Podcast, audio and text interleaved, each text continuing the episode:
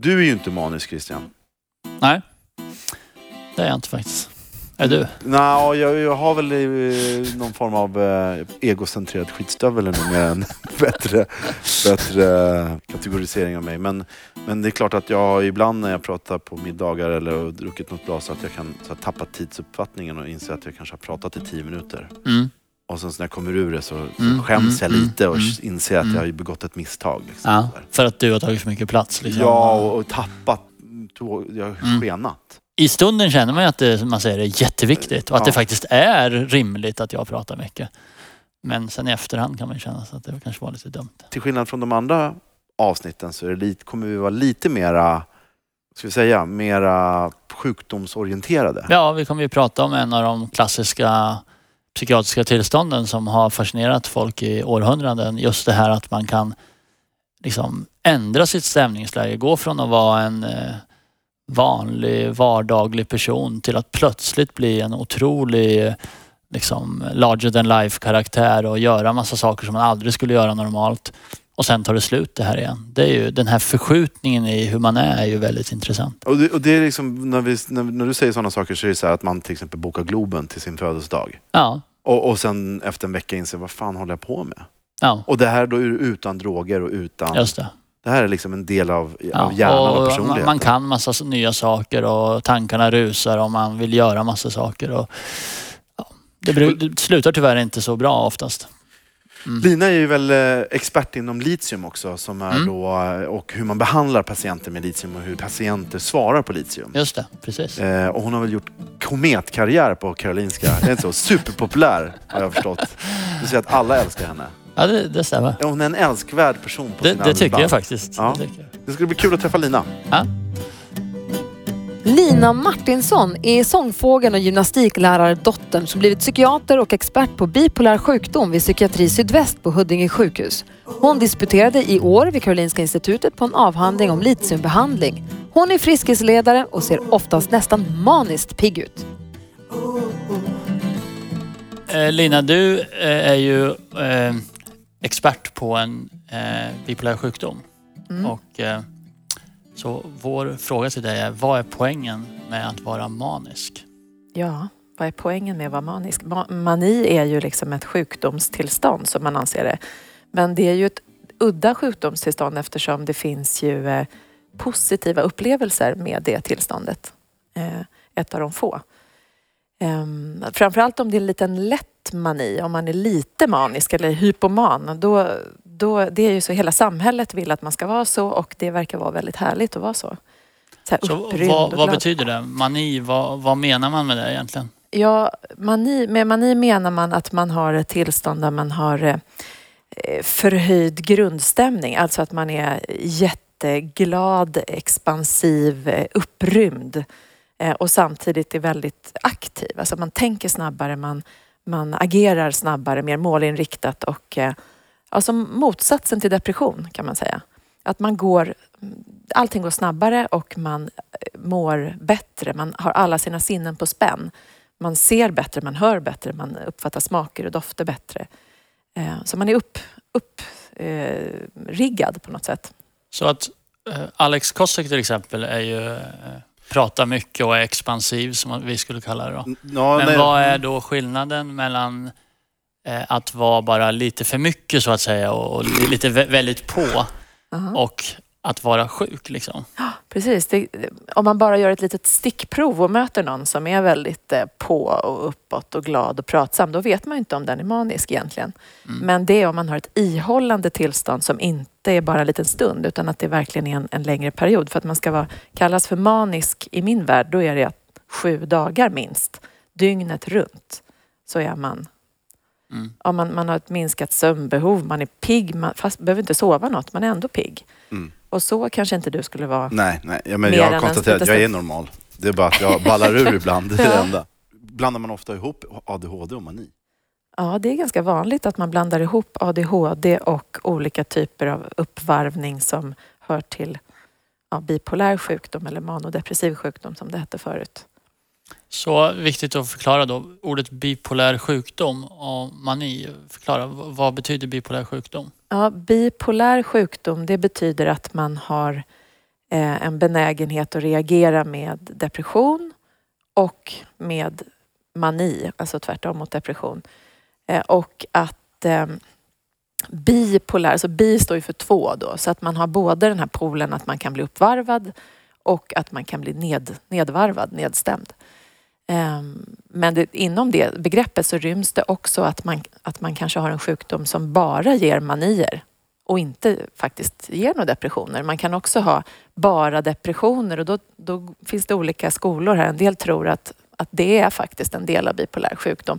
Andra säger att nej, men det kallas för depression eller återkommande depression.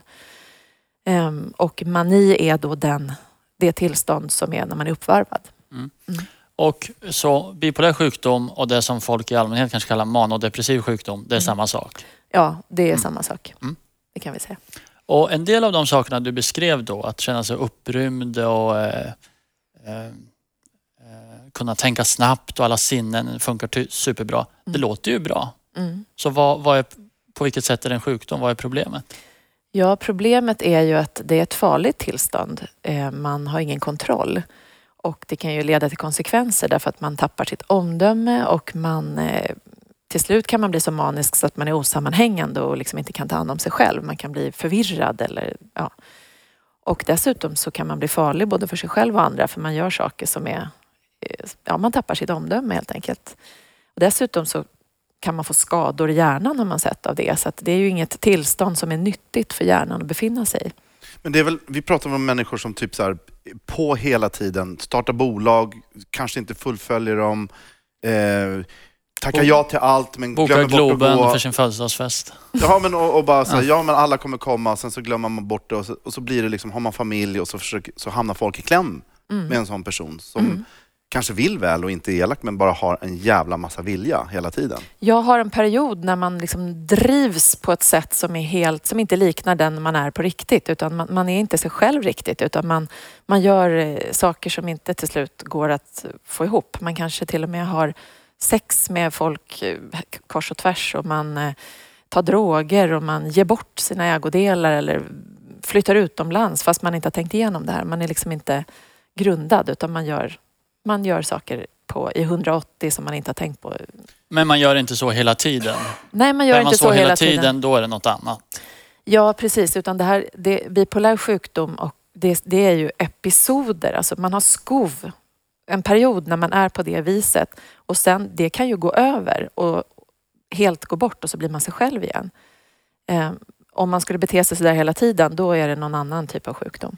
Eh, det är som att det brinner. Det, det, det går så snabbt. Det är, det är ett, antagligen ett inflammatoriskt tillstånd där, där, eh, som man inte bara genom att skärpa sig kan, kan stoppa utan det är ju någonting, en process i hjärnan som pågår. Ett, eh, ett känt exempel på bipolär sjukdom eller mani då, det är ju i tv-serien Homeland. Har ju Mm. huvudpersonen Carrie som är CIA-agent. Jag tror i varje säsong så blir hon manisk. Ja. Och eh, där får man ju, det skildras tycker jag väldigt bra då de här vilka otroligt svåra konsekvenser det leder till för henne och vilket lidande det är. Mm. Eh, tycker du i allmänhet att, att det gestaltas på ett bra sätt? Jag måste säga att jag tycker att det är väldigt väl spelat. Eh, Jag har, jag har kollat till och med, nu har jag börjat på säsong fem. Och eh, jag tycker att, att eh, vad heter hon skådespelerskan? Ja, eh, Eh, skådisen Claire. Denise? Eller nej? Cla- Ja, jag är väldigt imponerad av henne och av, av regissören för att det är ju ehm, det är faktiskt väldigt väl Claire gestaltat. Danes heter hon? Ja. Ja. Ehm, och, och dels konsekvenserna förstås, och, men sen hur hon, hur hon spelar mimiken och när det börjar komma och hon börjar lyssna på jazz och hon, eh, hon börjar slarva med medicinerna och hon, eh, hon börjar se saker. Hon är ju väldigt smart. Liksom. Hon, hon, hennes sinnen förstärks i början och, och det leder till att hon jobbar hårdare. Hon kan inte vila, hon kan inte sova. Eh, hon tar inte sina mediciner, hon dricker vin istället och sen så, så går hon ut och ligger med folk och sen så, och sen, eh, så får hon uppenbarelser i jobbet. Men sen plötsligt slår det över och så blir det bara pannkaka av alltihop och så burar de in henne. Jag tycker faktiskt att, att hennes minspel kan vara bitvis plågsamt påfrestande nu för nästan hela serien bygger på hennes miner. Men en Ja. sak som är rätt häftig då, det är ju att de visar på något sätt att, eh, att hon vid något tillfälle i alla fall så blir hon frivilligt manisk. Hon slutar med sina mediciner för att nå ett, eh, för att bli smartare så att säga. För att kunna lösa ett avancerat problem på jobbet som handlar om internationell terrorism. Mm, Ehm, är det så att man, blir, att man blir smartare på riktigt? Att man får tillgång till massa grejer som hon får? Eller är det liksom en lite skönmålning av hur det är? Jag tror att det är del, mestadels är det en skönmålning därför att om man hittar rätt medicin eh, så, så är det inte så att man blir mindre smart eller mindre skarp utan då, då kan det vara eh, att man har tillgång till precis hela sitt register av, av skärpa eh, men man har samtidigt balans.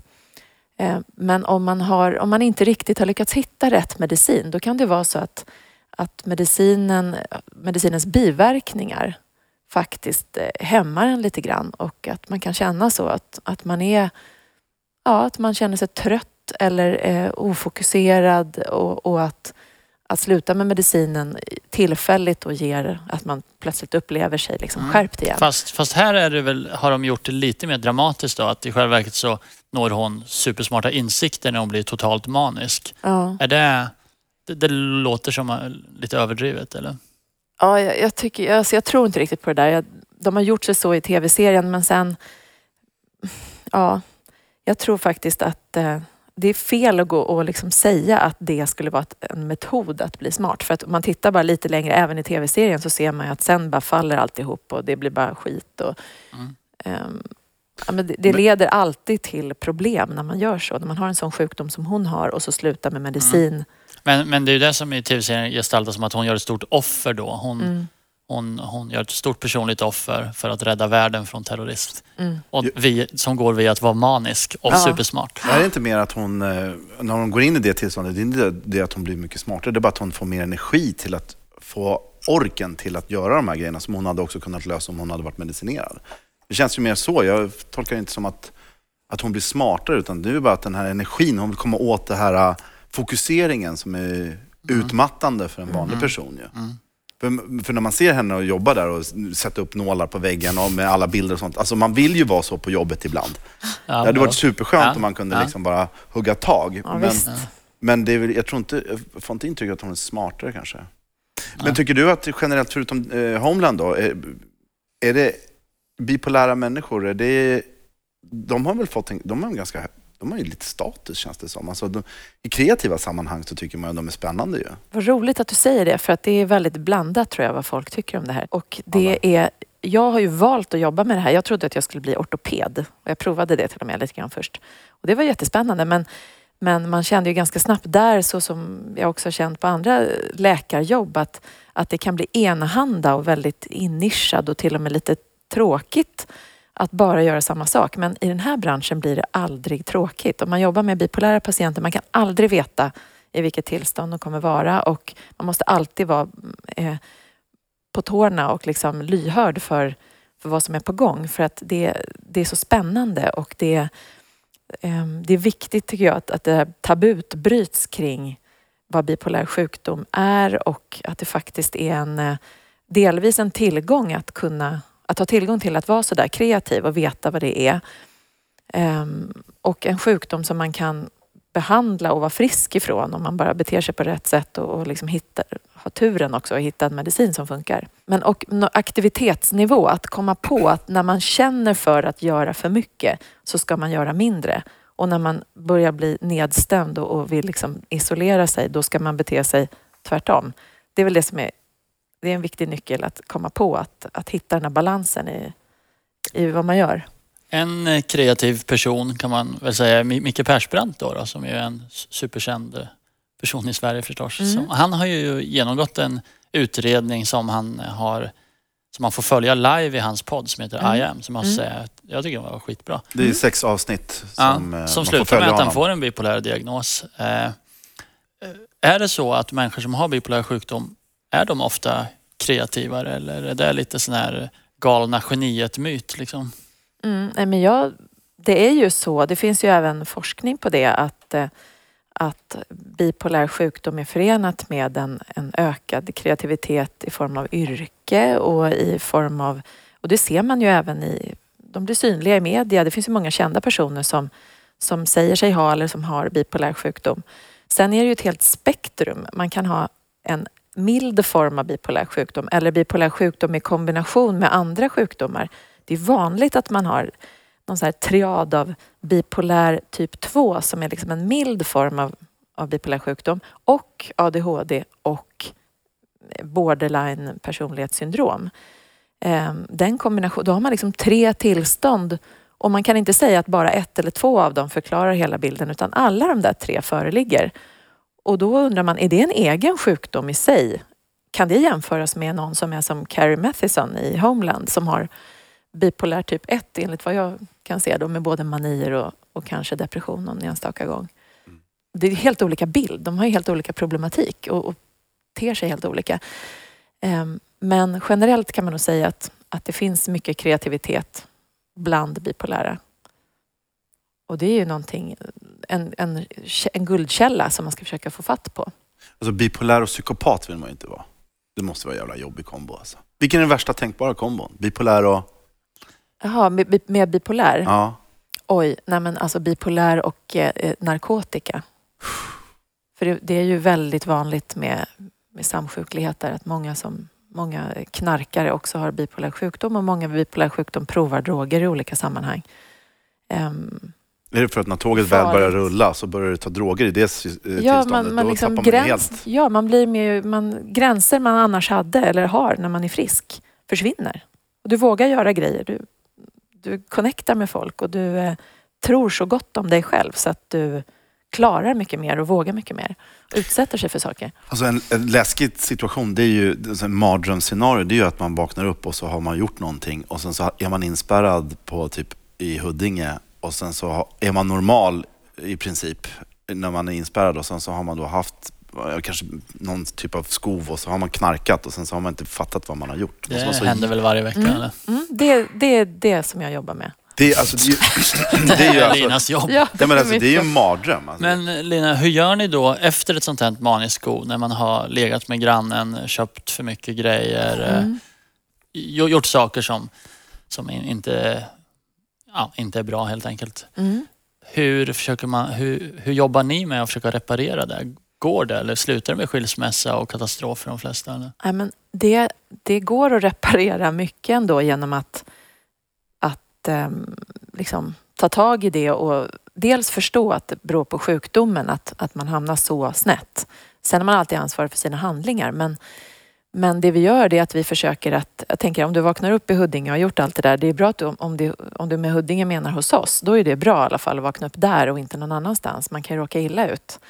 Eh, men om man, ja, om man lyckas komma inom psykiatrisk vård och där man dessutom förstår att det här är konsekvenser av en mani och nu nu mår du bra igen och vad gör vi nu? Ja, men då, dels så kan man ju få liksom akut psykologstöd i just precis där och då i krisen. Sen får man när man mår bättre börja reda upp, be om ursäkt, eh, betala av. Man kan få hjälp med skuldsanering och ja, men det, finns ju, det finns ju stöd och hjälp att få. Och sen så får man helt enkelt eh, ja, reda ut misstag man gjort. Men hur mycket, alltså du har ju träffat, du jobbar ju med det här, så, men hur, eh, som anhörig, hur mycket ska man egentligen stå ut med att någon annan har, om man inser liksom att ja, men han har, eller hon har lite olika perioder där det liksom kommer hem mitt i natten och det har köpts ny TV eller...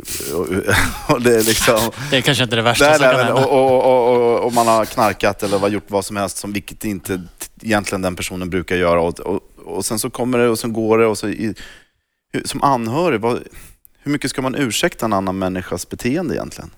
Nej, men det, man kan inte ursäkta något. Då blir man ju liksom medberoende i den här eh, sjukdomen på något sätt. Utan man måste, det, målet är att man ska hitta vård. Man behöver ju ha en, en kontakt med sjukvården och sen behöver anhöriga också eh, finnas med där. Man har en, en plan för hur man ska bete sig om det börjar dra åt fel håll. Och att man så fort som möjligt gör någonting åt saken. Man ska inte stå ut med att låta sig eh, liksom, ja, utsättas för så. Liksom. Nej, nej, utan det är ju menar, det samma lagar och regler gäller för alla. Men, men det är ändå så att eh, många människor som har en då ibland allvarlig sjukdom som bipolär sjukdom, de har ändå partner och familj och så som, som som så att säga har valt att leva med den personen Mm. fast man förstår att det här kommer nog hända igen, eller hur? Mm. Mm. Det finns ju till och med anhöriga som tycker så att men det är så trevligt när du är lite hypoman. Kan du, alltså anhöriga nästan gillar den här maniska sidan, den, den lillmaniska sidan i alla fall. Ehm, Det är som och- jag brukar säga till min fru, om, kan inte du dricka ett par, ett par glas vin? Det blir så jävla mycket roligare då. Vad hemskt. Ja. Så här, "Det- kan vi ta ett glas vin till bara? Det blir så kul när du är full. ja, Ja, men precis. är, är det inte så att en del av de här människorna har lite sådana erfarenheter att, att i någon period har man varit liksom i händelsernas centrum, populär, ku, liksom spännande person. Mm. Men sen Visst. kanske på lång sikt så, så ja, Mm. blir det inte riktigt så. Då. Ja, precis. Nej, men det är ju jättehäftigt att tänk att ha det inbyggt att man kan eh, utan eh, liksom, andra hjälpmedel känna sig sådär liksom starkt självförtroende, snabbtänkt, liksom lite bättre än alla andra tröga människor och, eh, och vacker. Och, och man ser ju på en person som är manisk eller hypoman, som är liksom mildare form av mani, att, att de eh, utstrålar någonting eh, otroligt starkt. Liksom ett självförtroende som, är, som smittar av sig också på andra. Och, och när det är den här lilla lagom dosen. Problemet är att det är en balans som inte håller. Det går inte, det fin, går inte att bevara ett hypomant tillstånd tyvärr. Utan det leder nästan, ja det leder alltid till mani eller depression eller så går det över. Men jag tycker det är kul med Micke Persbrandts podd, förutom att det är bra att det pratas om bipolär sjukdom eller mani och depression, det är ju också att han pratar om behandling, att han pratar om litium. För han har tidigare gått ut i media och pratat om det här, lite som du var inne på med, med um, Carrie Homeland, att, att ja, men jag ska inte ha någon medicin för jag måste använda mina sinnen på scenen och så. Eh, men i år, eller förra året då, då eh, när han kom ut i sin podcast kring bipolär sjukdom så har han också pratat om att han fick litium och att det för första gången har gjort att han faktiskt har balans och att han trivs med en medicin. Eh, och det tycker jag är så bra för att då är det inte bara kring sjukdomen utan också kring att, att behandling kan vara någonting bra. Och det är väl det, det, det är många patienter som liksom inte är där ännu att, att stå ut. Okej, de kan acceptera att de har en sjukdom men inte att de ska behöva stå på långtids långtidsbehandling. Hur funkar behandlingen? Alltså, man, om man har haft en identitet i alla dessa år och helt plötsligt förändras den identiteten, hur, det, hur påverkas de av den här behandlingen? Litium pratar om. Du har ju disputerat i det ämnet, så du kan ju det Ja, det finns ju flera olika behandlingar. Eh, Ingen av dem vet vi speciellt mycket om utan det är fortfarande ganska outforskat område. Men litium är ju en av de äldsta psykofarmaka som finns. Ehm, och litium är ju ett grundämne och uppfanns ju till och med i, eller inte uppfanns, men det hittades i Sverige först. På Utö va? På Utö i Stockholms skärgård. Så det är ju liksom en svensk ja, upptäckt. Och fanns väl förr i 7-Up. Det är därför det heter 7-Up tror jag. Exakt, precis. Litium 7, ja exakt. Det är atomnummer Och det är så coolt att litium är ett grundämne och att det är lite, för, för inte alla tyvärr, men för väldigt många bipolära patienter är det som en nyckel i ett lås. Det är, det är det, precis det man behöver för att bli frisk och hålla sig frisk. Och just vid mani, som vi pratar om idag, så är ju litium helt fantastiskt. För det har ju, man kan ju sätta in litium akut och manin går över. Det är nästan lite religiös upplevelse att, att ha en person på en avdelning som är tokmanisk och sätta in litium. Alltså sätta in, börja med litium. Litiumtabletter, det är ju salttabletter. Och sen bara på några dagar så går tillståndet över och de blir friska. Det, måste vara helt otroligt det att är helt vittna om. otroligt. Helt otroligt. Och sen efter det så kan de vara friska i åratal. Men om de slutar med litium eller tar lite slarvar med dosen så, så kan sjukdomen komma tillbaka snabbt. Det måste vara helt magiskt att se en sån grej. Alltså, det måste vara helt otroligt. Det är så coolt. Om man eh, i framtiden skulle förstå vad det är som gör att man blir lite manisk. Alltså så att säga, det mest de positiva Ja. delarna. Blir lite uppåt, känner sig smartare, får världens bästa självförtroende och så. Då skulle man kanske kunna ta fram en, medic- eh, Ja, precis en tablett som gör en vanlig trött småbarnsförälder Trebarnspappa. eh, lite uppåt, eller? Ja. Det är inte det så här folk som tuggar i sig ADHD-medicin och så och liksom hoppas på att... Mm. Ja, men, eh, det, det, min fråga är Ja. lite, lite seriös också. Att skulle inte det vara ett... Att förstå mani skulle väl också vara ett för, sätt att förstå hur man kan höja stämningen Mm. på folk ibland när det Mm. behövs. Precis, men om man filosoferar vidare, hur går ekvationen ihop? Klarar vi ett samhälle där vi går i snabbare takt än vad vi gör nu? Så att alla skulle vara... Okej, Vad skulle Man kanske få- ska sova mer helt enkelt. Ja, men vad skulle det få för konsekvenser? Man mindre Ja. Det är ju väldigt Ja. spännande. Steg ett skulle vara jättekul, men steg två, vad skulle hända sen? Skulle vi ta hand om de här eftertänksamma eh, momenten i livet eller det som kräver tid och, och vila och eh, tålamod och Hur sånt? snabbt vill man att allt ska gå egentligen? Ja, och vad händer med barn och relationer? Vad händer med naturen? Vad händer med resurser? Ja, Mm, så, men- det, som Christian vill ha det tydligen, så är det ju att man ska vara egocentrisk och manisk. Nej, men det var eh, ju, lite euforisk kanske. Men det finns väl, du kan ju, Finns rö- droger menar kan ju du? röka gräs. Det är inte säkert man blir precis euforisk. Men en, en klassisk mani det är ju euforisk eh, eh, liksom lycka och eh, ja, grandiositet. Medan en, en annan variant är mer att man är irritabel, aggressiv eller till och med har blandade symptom. Att man är både manisk och har några depressiva inslag. Så tänk om det blir fel, felträff. Att man inte blir just euforisk utan den här andra varianten. Det kan vara farligt. Jag hade en patient som, eh, som ringde mig eh, häromdagen och sa att hon hade vunnit väldigt mycket pengar. Och då var hon orolig att hon nu, eh, så hon blev, var ju väldigt glad, naturligt, som vem som helst skulle bli. En naturlig reaktion är att man blir väldigt glad, man har svårt att sova, man börjar tänka på vad man ska göra, man blir sugen på att ha fest nu, här och nu. Och eh, man inser att det här kommer lösa massa problem jag har just nu. Eh, ekonomiska problem, eller så. Och eh, hon var rädd nu att hon bara skulle bränna pengarna och bli manisk och göra saker som hon egentligen inte vill göra med pengarna. Så hon ringde och bara, kan, vi, kan ni stötta mig i det här? Hur ska jag göra? Hon tog ut sin mani i förskott. Ja, men hon förstod att det här kan gå snett. Nu måste jag göra någonting klokt innan jag... Innan, tänk om jag blir nu på köpet blir manisk. Då kommer jag ju säkert sabba det här guldläget jag fick nu. Och då kan man ju inte säga till en sån person, bara skärp dig bara. Eller hur? För hon kommer inte kunna göra Nej. det. Eller? Nej, utan det är ju... Det Lina är, säger inte skärp dig så ofta på jobbet. Va? nej, jag säger inte det så ofta. Nej, men jag tänker på att en Till- annan ja, person som inte kan det du kan säger kanske till någon, men skärp dig bara. Ja. Men det kan hon inte, eller? Men det är ju otroligt. Då Hon har man ju nått försöker en väl nivå. skärpa sig så att säga lite grann här ändå. Ja, Mm. jo men det är ändå bra att, kont- att Mm. ringa till sjukvården när man har vunnit pengar och är glad. Då, är man, då, har, man ju, då har man ju liksom lärt sig någonting om sig själv. Verkligen. Så det här är ju ett tecken på någon som verkligen har, som har blivit klok på kuppen. Och Mm. då, då kan det gå väldigt bra om man gör så. För då kan vi vidta de här skyddsåtgärderna så att man kanske låser en del av pengarna eller eh, ja, Fan, kul för henne. jättekul. Verkligen.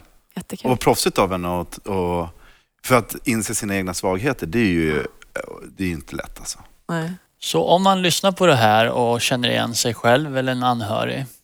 Vad, vad är ditt tips? Hur, vad, vad ska man göra om man misstänker själv att man lider av manodepressiv bipolär sjukdom? Det, då, det finns ju lite olika saker man kan göra. Om man just nu mår bra men tänker att den här problematiken har jag eller någon jag känner. Då kan man ju höra av sig i liksom lugnt skede till sjukvården. Antingen till sin husläkare och be om en remiss till en, en psykiatrisk mottagning som är inriktad på affektiv sjukdom, alltså bipolär sjukdom och depression. Ehm, men om man just nu har en, känner sig sjuk då är det bättre att gå till en eh, jourmottagning eller en akutmottagning och få hjälp direkt. Ehm, för att det är, det är svårt att hantera det på annat sätt. Då behöver man söka vård akut. Men om man är manisk då är det ganska otroligt att man har lyssnat till slutet av den här podden va? Om du har lyssnat på det här, då är du inte manisk. Jo, då, det kan man vara. Okej. Men ja, ja, det tror jag. Man 30 kanske minuter klarar man. gör någonting annat. Ja. Ja. Du som jobbar med, med det här, är det inte så? Du är ju otroligt medveten om skillnaden på människors eh, hjärnor, så att säga. Hur vi är byggda. Jag brukar säga att lika olika som vi är på utsidan är vi på insidan. Mm. Ja. För jag upplever att det är så ju. Hur känner du när du träffar människor? Är du, är du lyhörd inför deras olikheter eller? Vad menar du med det? Ledande fråga. Säg nej. Nej, men Ja, Alltså- hon ser alla som robotar. Nej, men jag tycker att det är, man kan aldrig... Det, ja, när jag var yngre då trodde jag nog att ah, där är en sån, där är en sån. Nu har jag insett att man kan inte se på folk överhuvudtaget. Det kan dölja sig den mest...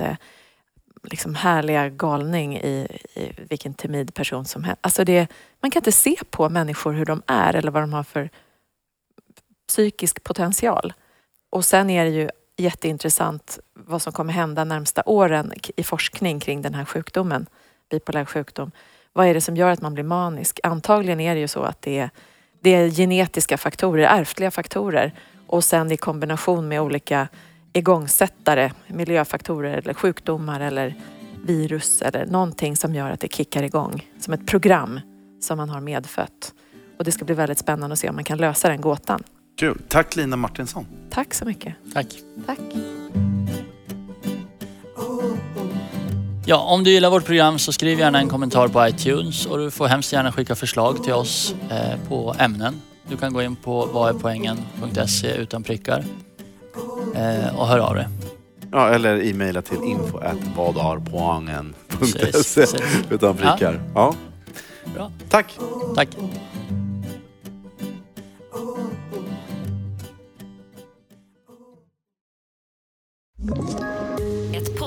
Från Podplay. I podden Något Kaiko garanterar östgötarna Brutti och jag, Davva, dig en stor dos skratt. Där följer jag pladask för köttätandet igen. Man är lite som en jävla vampyr. Man har fått lite blodsmak och då måste man ha mer. Udda spaningar, fängslande anekdoter och en och annan arg rant. Jag måste ha mitt kaffe på morgonen för annars är jag ingen trevlig människa. Då är du ingen trevlig människa, punkt. Något Kaiko, hör du på Podplay. Därför är gardinerna.